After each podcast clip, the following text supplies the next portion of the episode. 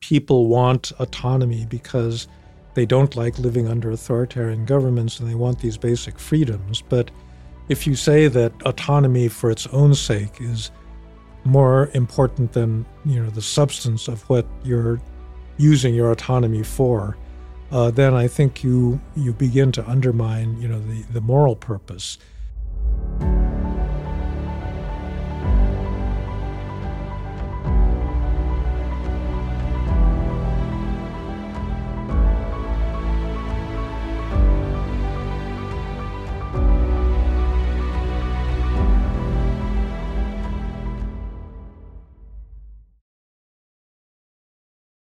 Hi, today we're honored to have Professor Francis Fukuyama, who is a visiting fellow at Stanford University's Freeman Spogli Institute for International Studies. Frank, thank you so much for Sure. coming on to our show. I'm delighted to be with you. Okay, um, I wanna I wanna ask you a few questions, but let me start off with how you grew up. Uh, you grew up uh, being influenced by a number of thinkers, one of which is Hegel. Uh, explain why. Uh, well, as an undergraduate, I um, studied with Allan Bloom, who was a, a political theorist that introduced me to the whole uh, canon of you know Western philosophy. Uh, and as a result, I actually was a classics major. I spent five years learning uh, Attic Greek, which was the Greek that Plato and Aristotle used in order to be able to read them in the original. Um, but in the course of that, I um, you know, I read a lot of philosophy. Uh, it was a basic humanistic education, and uh, you know, among the philosophers that were important were were people like uh, Hegel and Karl Marx that you know really shaped the way that we think about uh, politics and history uh, today. Wow. I, I want to jump into so many of your articles and or books, uh, including The Political Order, Political Decay, and of course, The End of History, The Last Man, and most recently your book on liberalism and its discontents. How have you seen liberalism or liberal democracy evolving in the last few decades? Well, you know, it's been a it's been a complicated trajectory. I think that um, Samuel Huntington, one of my other great mentors, the political scientist, uh, talked about a third wave of democratization that began in southern Europe with Spain and Portugal back in the early 1970s, and it kind of culminated with the fall of the Berlin Wall and the collapse of the former Soviet Union in 1989 to 1991. Uh, and so you saw an expansion of the number of democracies around the world from maybe about 30, 35 in the 1970s to well over 100, including Indonesia in that period. Um, in the last 15 years, however, there's been a democratic recession uh, in which the number has fallen, and you've also had the rise of uh, undemocratic movements in you know some important countries like India and the United States. Uh, so I think we're in a period of regression at the moment, and the question is really, you know, how far do we, you know, does that go? Yeah. You you've been, I think, unfairly criticized for you know having written that book, The End of History. And and I think a lot of people who criticize you are those that really haven't read the book. Uh, and and you've always alluded to the fact that this was more of an evolutionary process as Mhm. opposed to a point. Uh, explain that. Well, history, in the sense I was using it, uh, means um, you know the broad evolution of human societies. Uh, it's history with a capital H. You could call that development or modernization. Uh, you know, those would be synonyms for the word history. And the end of history didn't uh, signify the termination. The question is, where is that historical progress leading? To what kind of society uh, are we evolving? And you know, the argument that Hegel made back in the early uh, 19th century was that it would be a liberal state of the sort uh, established first during the uh, French Revolution. But you know, Karl Marx picked up that idea and said, "Yes, we're living through history, but the evolution is going to lead to a communist utopia." Hmm. And you know, the simple argument that I was making back in 1989 was that it looked like we weren't going to get to that stage, that the final stage would look like a liberal democracy tied to a market economy, because I didn't see any plausible alternatives to that as a higher form of human civilization. You know, of course, you can have different, you know, historical stages from the past, theocracy and, you know, authoritarian government of various sorts, but none of those, I would argue, would be superior forms of, you know, human social organization. And so that was the basic argument. Got it. Hegel has also theorized that, you know, at the rate that the masses are not as well educated as the elites, there's there's a chance or a risk even that, you know, they should not be involved in national polit- politics uh, as because it creates a divergence mm-hmm. and and we haven't seen that divergence being taken a view of or fixed mm-hmm. in, in the last few decades w- would that be a fair you know view well um, democratic uh, choice does not always lead to good outcomes uh, that's clear I, I think the big problem though is how do you select an alternative system? I mean, if you say that elites ought to run things, you know, how do you select the elites? Right. And, you know, for the most part, elites are just as self-interested as everyone else in protecting their own privilege and, you know, position. Uh, and so, you know, how can you develop a governing elite that actually has a broad public interest in mind as opposed to simply wanting to stay in power to protect themselves and their families? Uh, and I think until you answer that question, uh, I think you're going to have to, you know, recognize that the political system needs to be opened up, you know, to broader choice. Now, no democracy ever simply relies on popular will. Uh, right. You know, you have uh, representation in the first place. The governments are um, that are elected are not simply the result of direct democracy, but uh, you know, you have a delegation of authority to a group of people that have greater expertise in, in running a democracy. Uh, you have bureaucracies that also basically, you know, contain a lot of expertise. And so every democracy is some mixture of popular choice, you know, combined with some degree of elite control. And I think, you know, that's kind of the system that's evolved over the years.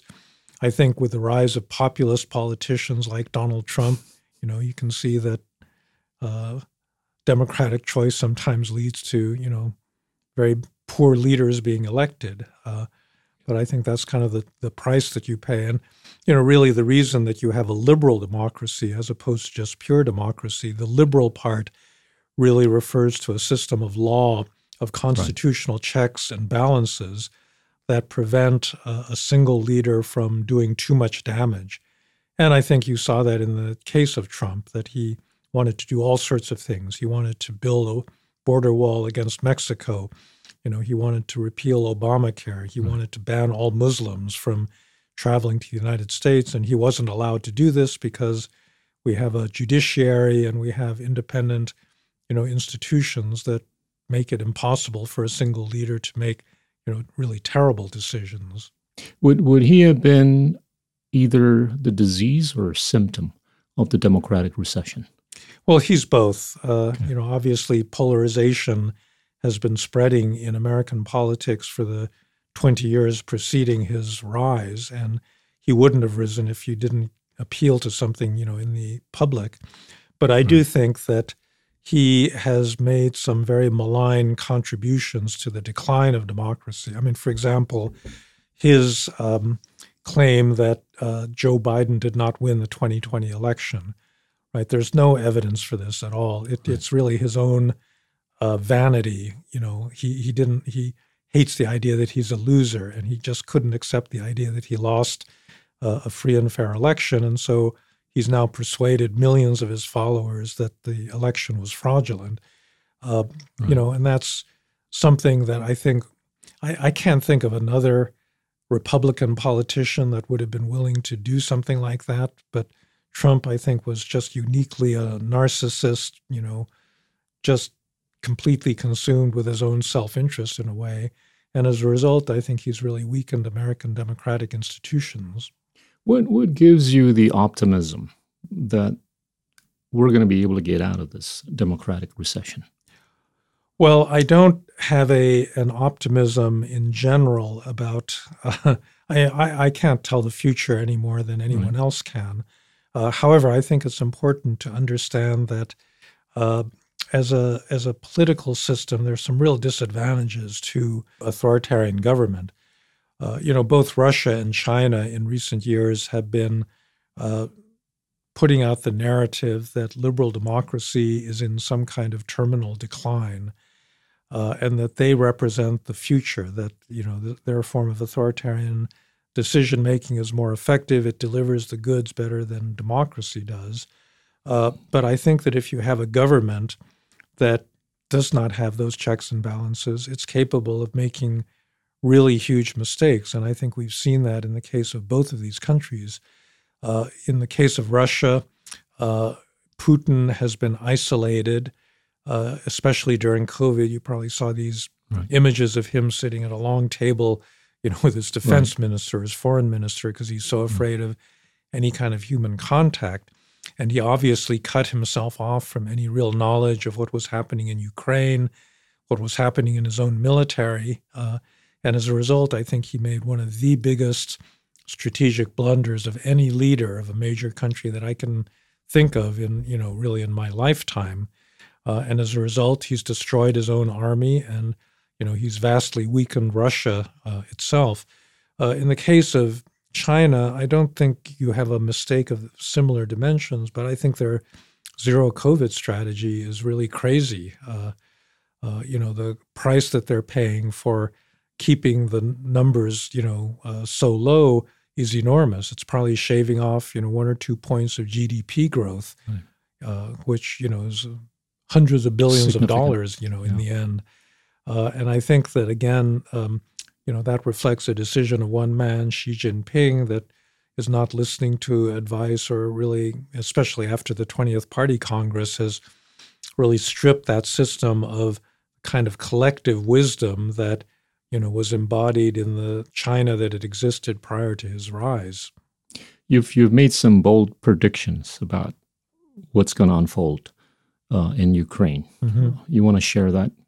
Well, I think that the Russian army is headed to a defeat there, uh, and I think it'll happen by the end of the winter. Uh, you know, the Russian army is highly demoralized; it's run out of equipment. Uh, they're really scraping the bottom of the barrel with regard to um, manpower uh, because so many Russians have been killed in the course of this war. Uh, you know, they're talking about you know getting close to hundred thousand casualties there. Uh, which is many, many more than they lost in the 10 years that they were in Afghanistan. Uh, and so I think, um, you know, the difference in motivation uh, and leadership on the two sides is so great that I, I, do expect that they will be driven out of, you know, most of the areas that they've occupied, not just since February 24th of this year, but since, you know, 2014. If true, mm-hmm. and what you alluded to uh, in the context of China, uh, would would those then serve as source of optimism for the world to be able to get out of this democratic recession? Well, and if, and yeah. if, if it were to be able to get out, do you see it as something that's going to reshape itself in order to be able to get out? Well, history is never linear, right? Uh, and I think that um, authoritarian failures uh, sometimes actually lead to even riskier behavior. And so we don't know what Putin's going to do in response to the kind of defeat that he's in the process of suffering. Uh, you know, there is a genuine fear that he will resort, for example, to nuclear weapons. Right. Uh, he's already begun these, you know, horrific attacks on civilians, you know, in Ukraine uh, in response to his military setbacks, uh, and that's all always possible. In the case of China, you know, there's speculation that uh, rising powers are the most dangerous not when they're rising, but when they start to hmm. decline. Uh, if China actually does uh, go into a long-term decline, you know, in order to preserve their position, right. they be w- may be willing to take greater risks than they would have been on their way up. But we don't know any of this. You know, this right. is all complete speculation, and so I really hesitate to make any you know real predictions about how things will unfold in the coming you know years.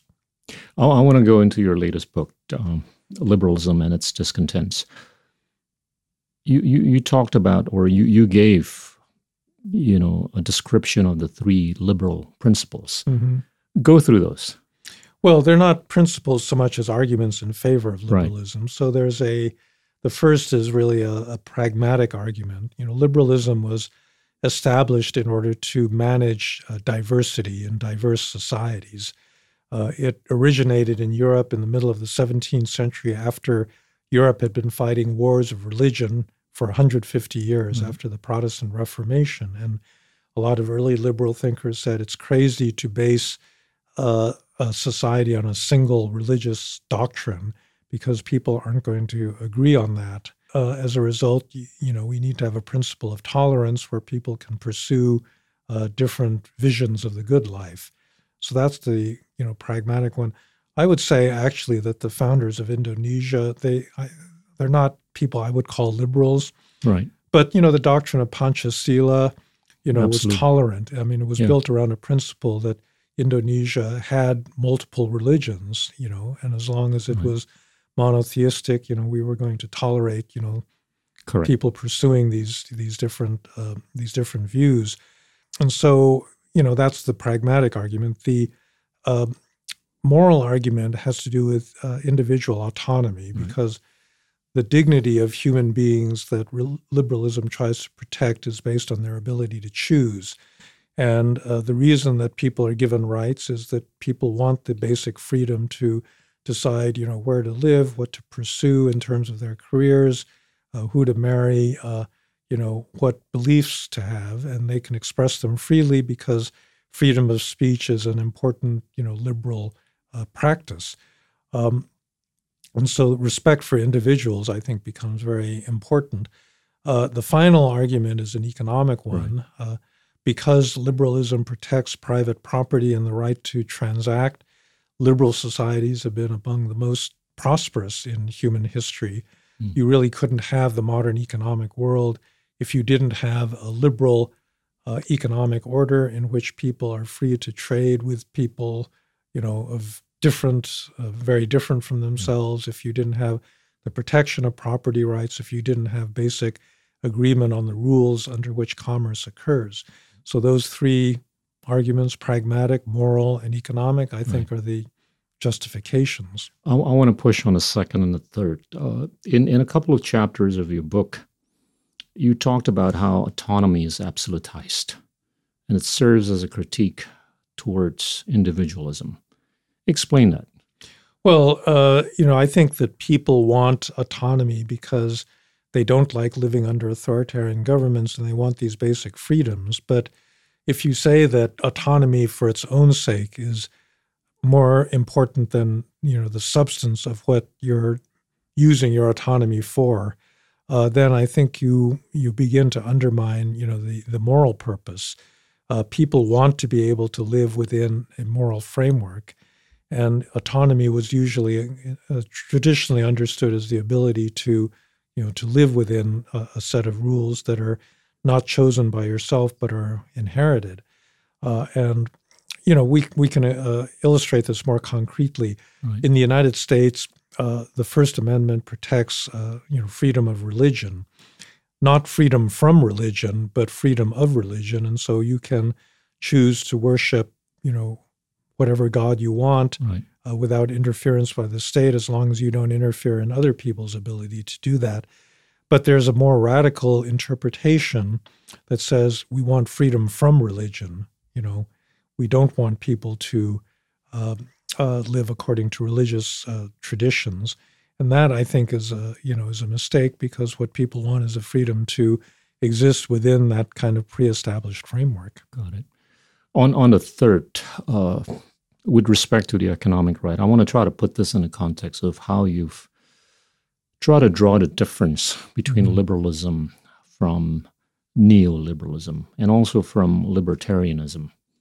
Uh, sure. So neoliberalism uh, is used by some people just to designate capitalism as such. And I think that's a mistake because you can't have a modern society without basic protection of property rights and freedom of commerce. Uh, neoliberalism, in my view, is more properly uh, used to designate an interpretation of economic uh, liberalism.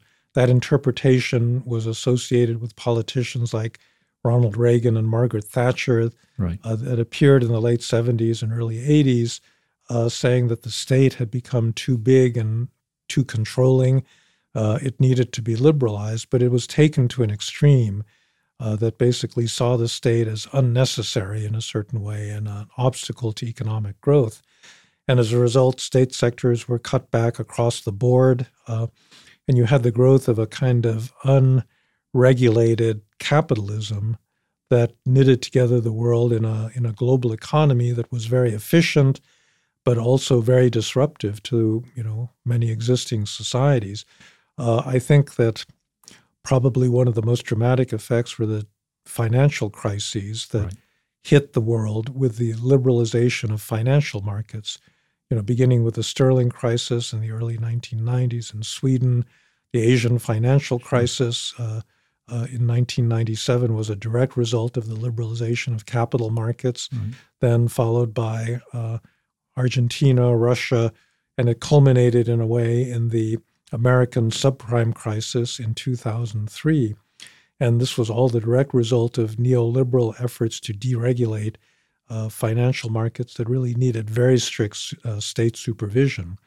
Uh, so that is what I regard as neoliberalism, and that right. was the mistake, not the the, yeah. the broad you know belief in the need for markets and market economies. Um, I'm in the same camp uh, in in making the observation that markets, I think, should have been democratized to the point where everybody would have access to capital. But it's it's just a little too obvious right now that not everybody has access to capital. And I'm not I'm not aware of any politics or policy making that are being done enough as to fix this. What what what do you think can be done? Well, there have been a number of efforts to make capital more available. I mean, one is the whole microfinance revolution yeah. that started with Grameen Bank, uh, you know, in yeah. uh, in Bangladesh, that has spread. I think that the promise of that has been oversold a little bit because, you know, you find very few cases where microfinance actually produces, you know, growing uh, companies that right. then survive, you know, beyond uh, just that initial stage. You know, the real lack, I think, in many countries is SME finance. I mean, finance for small and medium sized enterprises. Right. Large corporations have access to global capital uh, pretty reliably. Uh, but it's you know the family business that then grows to a size where they want to expand uh, beyond the family. They want to incorporate themselves and you know reach broader markets, and that's the place where you know, there's a real gap, I think, in in global financing. It, it varies from country to country, but I think that that's you know uh, an important obstacle. Uh, I mean, even in the developed economies, mm-hmm. we're seeing a divergence between the rise of the capital markets versus the rise of the real economy. That in itself, I think, is a manifestation, right, of how money or capital hasn't really democratized to mm-hmm. every layer of the pyramid. Well, you know, among the neoliberal initiatives that were undertaken was a an attack on antitrust or competition right. policy. You know, that had been a hallmark of American comp, um, capitalism ever since the late 19th century. We have very strong antitrust laws like the Sherman Act or the Clayton Act uh, that prevented companies from getting too large. Uh, but, you know, one of the arguments that were made by neoliberal economists uh, in the 1980s, Robert Bork and George Stigler, was that we shouldn't worry about size, that companies were growing large simply because they were more efficient. Right. Uh, and therefore, we relaxed our rules against that. And one of the things that's been going on is that these companies, you know, um, are getting so large that it's impossible to compete against them. If you're a startup and you start threatening their market, they'll buy you and then incorporate you into their empire. Uh, and you know, it's only a regulator, it's only the state that can prevent that from happening. And so that's another consequence that I think has been, yeah. you know, very, very problematic. Uh, it it kind of reinforces the hegemony of very large corporations, big banks, you know, the global finance system that's uh, that's empowering this. I, I want to get back to this, but I want to I want to continue on a little bit on on the book. You you alluded to the the threats towards liberalism uh, that are coming both from the right and the left, but you suggested that they're not symmetrical. Mm-hmm. Explain that. Well, it depends on the country. I think that right now, uh, the biggest uh, political new political movements have been on the right. There have been these populist nationalist movements, which we've seen in Hungary, in Poland, in India, in Turkey, in the United States. You know, uh, many European countries have a right wing, uh, extreme right populist party. They just got uh, into power in Sweden and, and in Italy. Uh, in other parts of the world, the left wing populists are still the dominant force. In Latin America, you've had left wing governments elected in Bolivia, in Peru, in Colombia, uh, in hmm. Chile. Um, you had one right wing populist, uh, Jair Bolsonaro, that uh, was evidently just defeated in you know the most recent Brazilian election, but by and large, there the populism has remained uh, uh, left wing. Uh, you know, there's a big difference between those two. Obviously, the uh, right wing populists are all pretty uniformly opposed to immigration. They're usually based on wanting to protect the ethnic uh, characteristics of their existing societies against, you know, immigrants that come from other parts of the world. The right, the left wing populists are still focused on economic inequality uh, and want, you know, the state to intervene to redistribute, uh, uh you know, income and wealth uh, more broadly. Okay, let's let's go back to the economy again. Uh, I'm just not convinced that this hegemonic tendencies of the big companies are likely to be healed or remedied, right? For purposes of our, you know, reshaping democracy so that it could be on a path of wisdom again. Mm-hmm. What what do you think could be done at the policymaking body level, at the political level, and at the populist level? Well, I think there have been moves in that direction already. Um, you know, Europe has been much more active on the competition policy than the United States. Uh, so the EU Commission has taken, you know, a big stand in terms of like, let's say, the Digital Services Act. So among the biggest companies in the world are these American tech giants like uh, uh, Google and Facebook, right. and you know, Europe I think has stepped up in terms of having a privacy law in you know, trying to go after these large corporations to prevent them from getting, you know, even more larger and more dominant. Uh, President Biden has appointed, you know, people that want to move America in the same direction.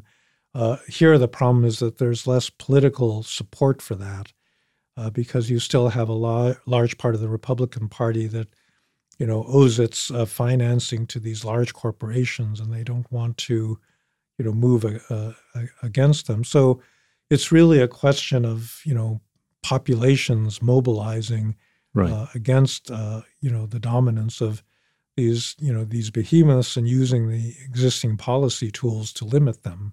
There is a view, though, that the reason why the Europeans have the wherewithal to take more stern actions mm. is because they're less of a beneficiary economically yeah, of the, the very existence of these behemoths, right? Whereas the United States, I think, uh, you know, is a much bigger beneficiary, economically speaking, to the point where I think it's probably intuitively going to be somewhat more difficult. Yeah, well, I think that's why you haven't seen a very strong antitrust policy right. coming out of the United States. That's that's true. So how do you deal with that then? Well, if, you if, deal with it politically. I mean, you've got to make the argument that the government needs to be strong enough to master these big corporations. Uh, you know, at the moment, the United States can't do anything because its system is so polarized. I mean, we can't even pass budgets, yearly budgets, uh, you know, uh, uh routinely because of the existing polarization. uh, and it's likely to get worse as the Republicans, you know, take over at least part of Congress. Um, so you know, it it really boils down to the uh, deep problems within the society that are then reflected in the political system. Uh, the division, you know, between red and blue in the United States that really prevents any kind of major policy from uh, from being enacted. Well, we've we've touched upon the the third argument with respect to economic rights. I want to I want to bring up this point of, you know, I've been talking quite a bit about the paradox of the democratization of information versus that of ideas. They're just not congruent uh, for reasons maybe that social media, I think, has polarized conversations, and you've been very vocal about this also. I, I'm in a camp that believes that to the extent that the amplification of narratives that are thick with hatred, anger, and divisiveness keep on riding on these these algorithms that keep on amplifying these I think polarization of conversations will continue. Mm-hmm. And at the rate that they continue unstoppably, there's not going to be a very rich democratization of ideas. And to the extent that there's not going to be very rich democratization of ideas, I think liberalism is at risk. Right. And and I'm I'm sort of like in the camp that's still pessimistic about anybody's being able to do anything meaningful with respect to the amplification of the wrong narratives? You know, I actually don't think that democratization of ideas is the right uh, charge to me. I mean, in a way, that's the problem. We have democratized ideas. Anybody can say anything they want, mm. including things that are not true, including hate speech, including conspiracy theories. Okay. Uh, that was all controlled in an earlier age because the access to media was limited. You know, when I was a kid, we had three broadcast channels, right. TV channels, uh, and they would not have allowed, you know, uh, conspiracy theories about an American election to be, you know, promulgated. But now you've got an internet where anyone can say anything they want, uh, which was, you know, is a kind of ultimate in democratization. And um, you're right that the concentration of power in the internet platforms then permits these views to be amplified or silenced, you know, right. uh, uh, in the other direction. Uh, but you know, ultimately, I think that you need more elite control over uh, the promulgation of uh, of information. And the trouble is that you know nobody has the legitimacy to do this right now. I mean, we um, I don't think would generally trust governments to be the arbiters of what's true and what's false. We wouldn't want, you know, the government to declare, you know, yeah. this theory is correct and this one is not, and therefore you can't broadcast it.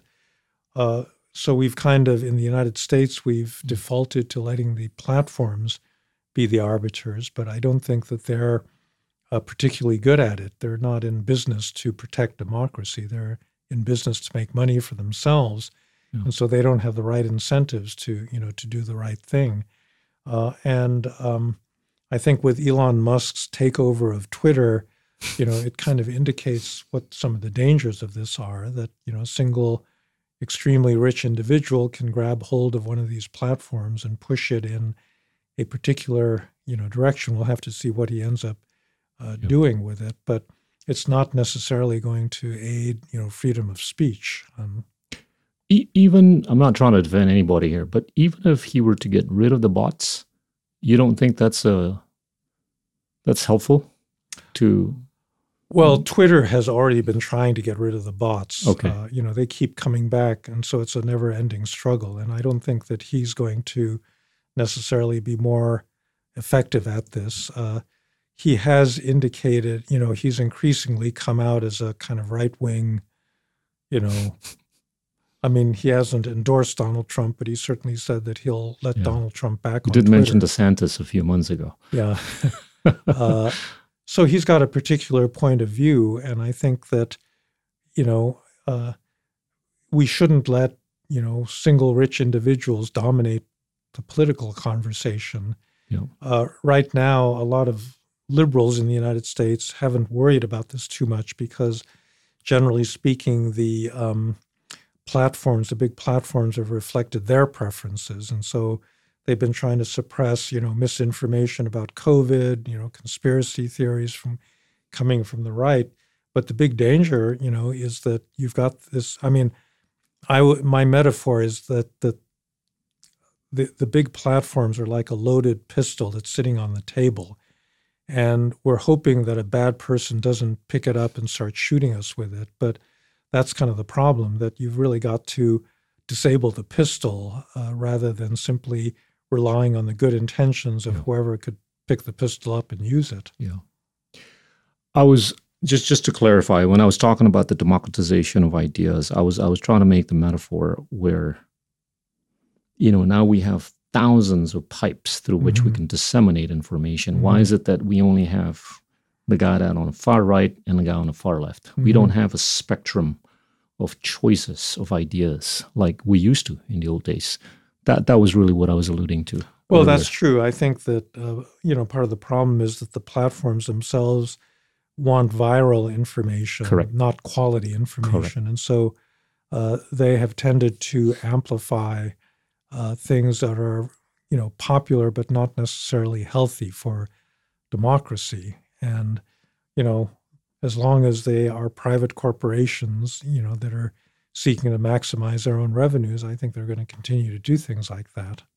On this topic of virality, I'm I'm a little concerned about the possibility that in the future we're going to be electing people on the back of more festivalization or sensationalization as opposed to intellectualization in in any domain not not necessarily just political but non-political domains because that seems to be the the flavor of the day, the week, the month, the mm-hmm, year, the mm-hmm. decade.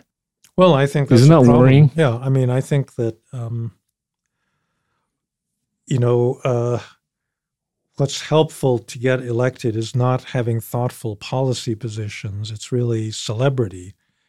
Uh, that's how Donald Trump became president. Right. You know, he was uh, the uh, he he ran a, a, a celebrity reality show, uh, and you know many politicians have moved from, you know, careers in Hollywood or on TV, you know, into including, uh, you know, President Zelensky in Ukraine, who started out as a comedian. Now he's turned out to be actually a pretty good and effective leader, right. but uh, you know, the Philippines, for example, has seen a whole succession of presidents that you know basically made their name as as celebrities rather than you know as serious uh, you know people interested in public policy. Uh, so yes, I do think that it's a you know it's a big problem. You you alluded to this in the book also in terms of drawing limits. Moderation is key, right? Fulfillment takes place when limits are put in place, right? Uh, this sort of like applies to what you've, you know, how I think information ought to be limited That's or the right. dissemination. Uh, I want to I want to go through the world with you geographically. Uh, you know, right now the biggest democracy in the world is India. Second largest is the United States, and Indonesia is the third largest. What do you think each of these three big democracies should do in the context of what's happening and in the context of what they need to, to do to be better? Well, in the case of India, I think that, you know, Prime Minister Modi has been trying to shift its entire national identity to one based on Hindu nationalism. Uh, Gandhi and Nehru, who founded the country, really uh, wanted to make it a liberal society. They said, We're not going to be like Pakistan. We're not going to have a national religion and base our society on a single religion. But that's precisely what Modi is uh, attempting to do. And I think that they need to stop that. You know, they need to preserve a liberal India in which people of all faiths have an equal opportunity to advance and to practice you know their beliefs as long as they don't interfere in other people's practice. Uh, but that's not the india that's you know being uh, created at, at, the moment. In the United States, I think it's really important to, you know, keep Trump and other right-wing populists like him out of uh, power uh, in order to preserve the kind of system of constitutional checks and balances and respect for law that the country really has been based on up until uh, up until this point. Uh, Indonesia is um, actually, you know, in many ways a great success story because you're coming off of many decades of dictatorship, and you know, in that respect, India is a is a democracy whose experience with that form of government is only a couple decades, you know, old. And I think, given how difficult it is to establish democratic institutions, uh, you know, there's been a pretty credible job uh, done. I think your problems really have to do with things like corruption, which right. obviously has been pervasive in Indonesia. And in that case, democracy didn't eliminate corruption; it simply spread it out, you know, in, in many ways. And you know, the decentralization of power to you know states and localities, you know, has right. simply, in a way, democratized the nature of corruption rather than eliminating it. And so that's obviously a you know a problem that needs to be dealt with. And I think you know the final thing is that there are some truly illiberal political forces in Indonesia. You know, you have uh, types of Muslim extremism that really aren't compatible with a liberal society at all, uh, because they do want to impose a you know a single intolerant version of religion, uh, and that's something that needs to be beaten back uh, because you know you can obviously be a Muslim and also be a liberal Democrat at the same time. I mean, there, you know, right. I think Indonesia has demonstrated that that's fully possible, but it does mean interpreting the religion in a in a more tolerant direction. Yeah, I I see stuff like that more of a an episodic stress. I mean, if if I try to put this in the context of what Southeast Asia has gone through in the last two thousand years, we've been pretty peaceful and stable. Uh, you know, in terms of the number of casualties that we've witnessed, you know, mm-hmm. far lower than whatever we've seen in Europe. You know, not to mention, you know, in a span of 30 to 40 years between World War One and World War Two. Uh, I'm I'm quite I'm seeing it a little bit differently. I, I see it more from an economic standpoint. I, I want to try to draw the picture for you. If if we take a look at Southeast Asia in the last 30 years, the GDP per capita has grown by about three times, vis-a-vis China in the same period that grew basically by 10 times. And and I think there's essentially three to four reasons as to why China has outgrown us in Southeast Asia. The first one is the issue of corruption. Mm-hmm. Second is basically infrastructure or lack thereof. Third is education. And fourth is really the lack of competition. You know, China, I think, has encouraged its entrepreneurs to be much more entrepreneurial faster uh, as opposed to their Southeast Asian counterparts. Mm-hmm. And and when I say Southeast Asia, all this with the exception of Singapore, which basically has been able to check off mm-hmm. on each one of the four boxes, right? Mm-hmm.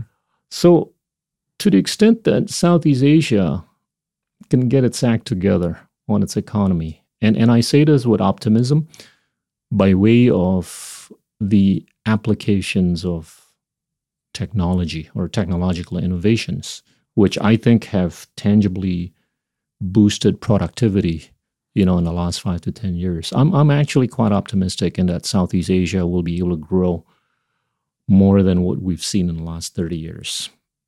In that regard, this could be helpful mm-hmm. in our process of democrati- democratizing.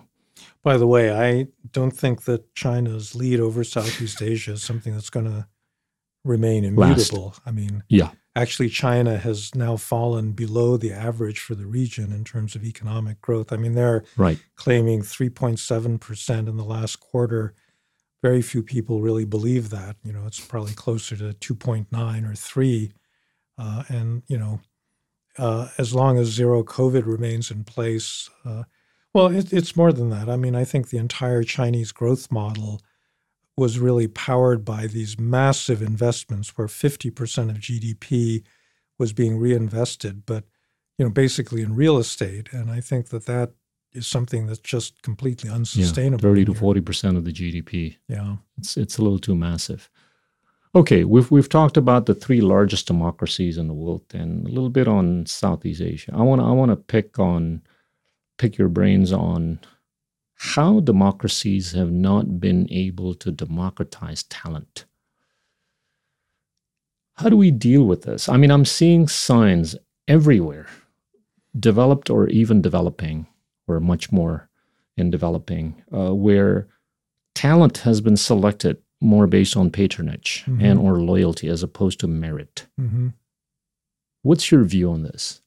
Well, it's a general problem. I think that um, it's not unique to Southeast Asia. I think, you know, all human societies have been uh, based on patronage and clientelism for most of human history. You f- favor friends and family. And the idea that you should pick somebody based on merit, you should hire a complete stranger rather than your cousin or your brother, uh, is not something that comes naturally in any human society. And so you need institutions that you know work in the opposite direction. So one of the things that uh, China figured out very early on was the need for meritocracy. So they began, you know, instituting um, examinations to select bureaucrats even before the unification of China, you know, in the Qin dynasty. Right. Uh, but probably one of the central uh, characteristics of Chinese um, uh, civilization is the emphasis on education, which initially was really driven by the need to have bureaucrats, uh, educated bureaucrats, and that was what motivated people to, you know, to seek educations for their children. And so it's a deeply cultural thing, and it's the reason why Chinese and many societies continue to outperform people from other ethnic groups because there's something deeply embedded in Chinese culture that prizes education for its own sake. Um, and so encouraging, you know, a similar cultural emphasis on education, I think, is something, you know, uh, that's very uh, that's very important. Obviously, investing in the institutions that allow people to be educated is is important, and opening up access to those uh, institutions to anybody that has the talent is, you know, is a prerequisite. Well, even even developed economies in Western society seem to be selecting talent more based on patronage and or loyalty, right? Uh, much less in the developing economies. Uh, I'm not sure that that's true. I mean, uh, you look at higher education in the United States and you look at how well Asian immigrants have done. Oh, know, that's yeah. In the University of California system, such as yourself. Yeah. but if you look at the University of California system, uh, you know they used to call UCLA the University of Caucasians lost among Asians because for the system as a whole, you know, populate. I mean, the percentage of Asian uh, Americans right. in the school system was like over fifty percent whereas they didn't constitute more than about 10% of the whole population. And so I think meritocracy, you know, is still very uh, uh, powerful. Okay. I think the problem is that well-educated people uh, have a lot of economic and social advantages. You know, first of all, just with the family, they tend to have intact families, whereas poor people, you know, a lot of poor children grow up in single-parent uh, households where you know the parents really don't devote any time to you know educating their their kids and instilling them with the right kinds of social values right. needed to to get ahead uh, then they can send their kids to you know good schools as they're growing up which allows them to get into good universities. And so that class tends to perpetuate itself. You know i think that's the real uh, threat to meritocracy in in the united states. But I think compared to other societies, it still does remain pretty open, you know, to yeah. talent. In fact, one of the big issues right now is is kind of the opposite of that. I mean, there's this uh, lawsuit that's going to go before the Supreme Court this year, in which actually Asian, right. primarily Asian parents are suing Harvard for yeah, discriminating against them in favor today of, the hearing. Yeah, yeah. In favor of black uh, and Hispanic uh, children. So right. Okay. And there's a there's a counterpart to this in Southeast Asia. You know, the whole Bumi Putra system in Malaysia, you know, is a kind of reverse discrimination. Right. So you know, it's it's something that's happening in Yeah. other societies. Yeah. Nobody's perfect. Nobody's perfect. I wanna I wanna still touch on geography before we touch on other things. Singapore. Would you regard Singapore as a thriving democracy by way of its being able to maintain, you know, its multiracial, multi-ethnic? I, you know, I think it's a thriving liberal state, but not a democracy. Uh, you know, the liberalism refers to the rule of law and the structures under which the government operates. And there, you know, Singapore scores pretty high, particularly in terms of economic rights.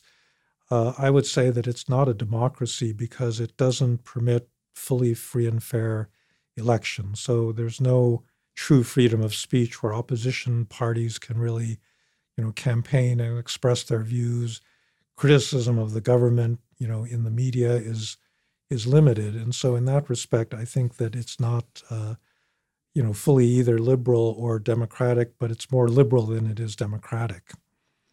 Have you said that in front of a Singaporean? I'm just curious what they would have said Uh, to you. Yeah, well, yes, we have this argument all the time, uh, in which you know a lot of Singaporeans, you know, say, well, we are democratic because our government reflects, you know, the wishes of the, you know, of the people.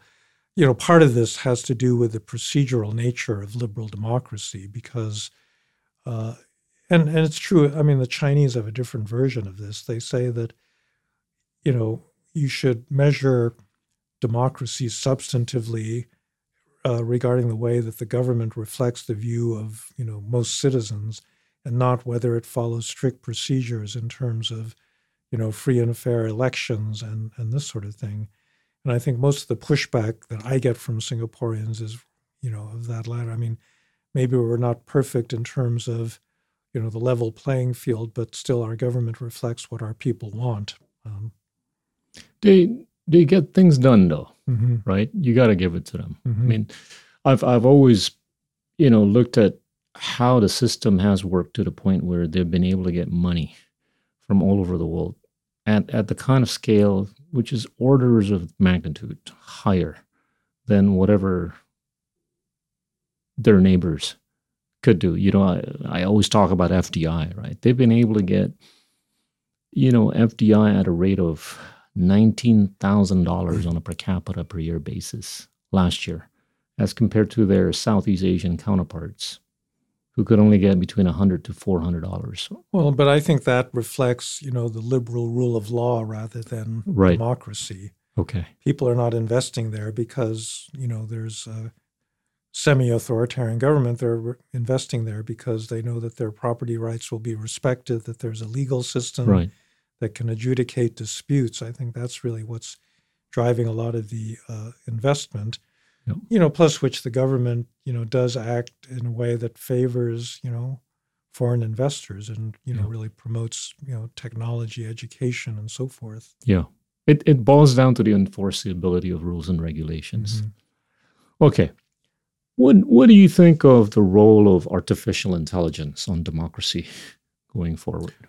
Well, look, all technologies uh, are morally neutral. That is to say, they can be used for good purposes and they can be used for bad purposes. And so, what's going on in a lot of uh, countries is that artificial intelligence is being used, uh, you know, for example, by police forces to catch criminals, uh, and it's very effective at that.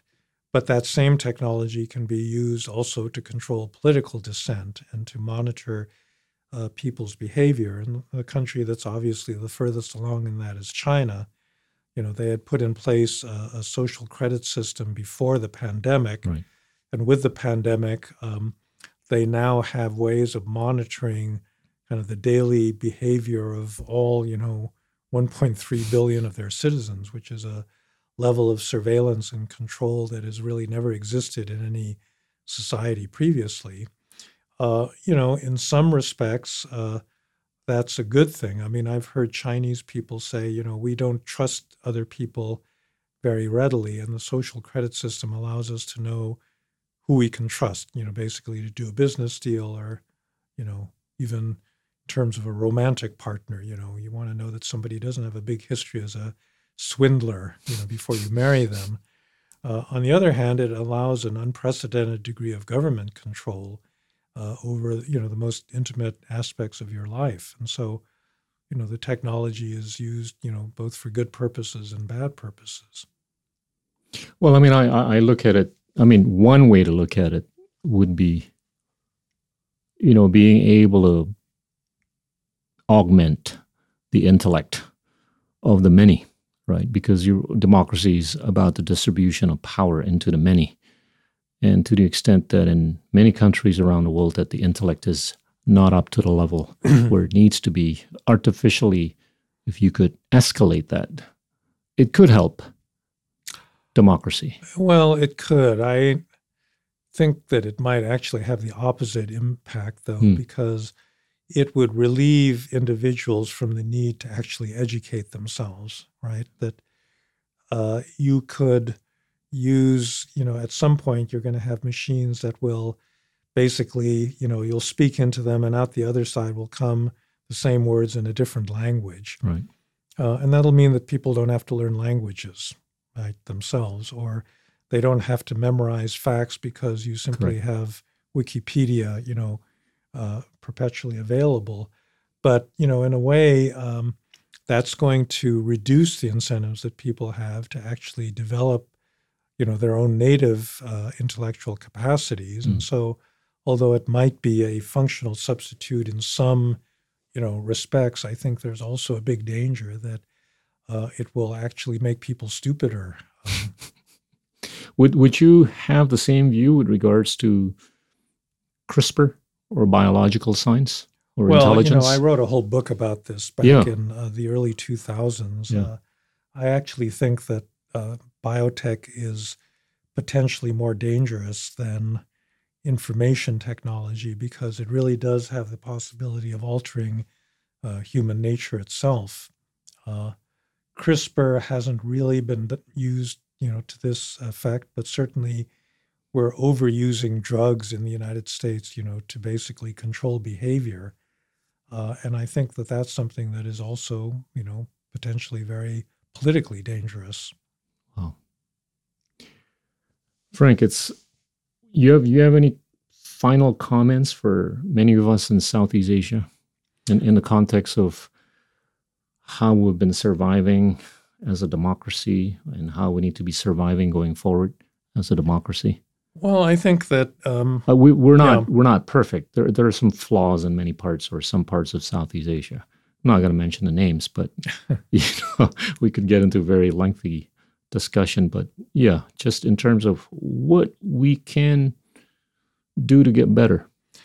Well, I think it's important to first of all uh, recognize the benefits of living in a liberal democracy like Indonesia is uh, and you know remember back to dictatorship in you know your own country's past or in the present of existing countries in the region and it's not such a happy uh, it's not it doesn't produce such happy outcomes. I think that you know uh, people need to think about public policy uh, and they need to participate you know constantly. They need to mobilize and be aware of what the problems in their society are and then have ways of trying to solve those problems using you know the existing mechanisms that democracy gives you. Uh, that's really one of the big selling points of democracy is that it can correct itself.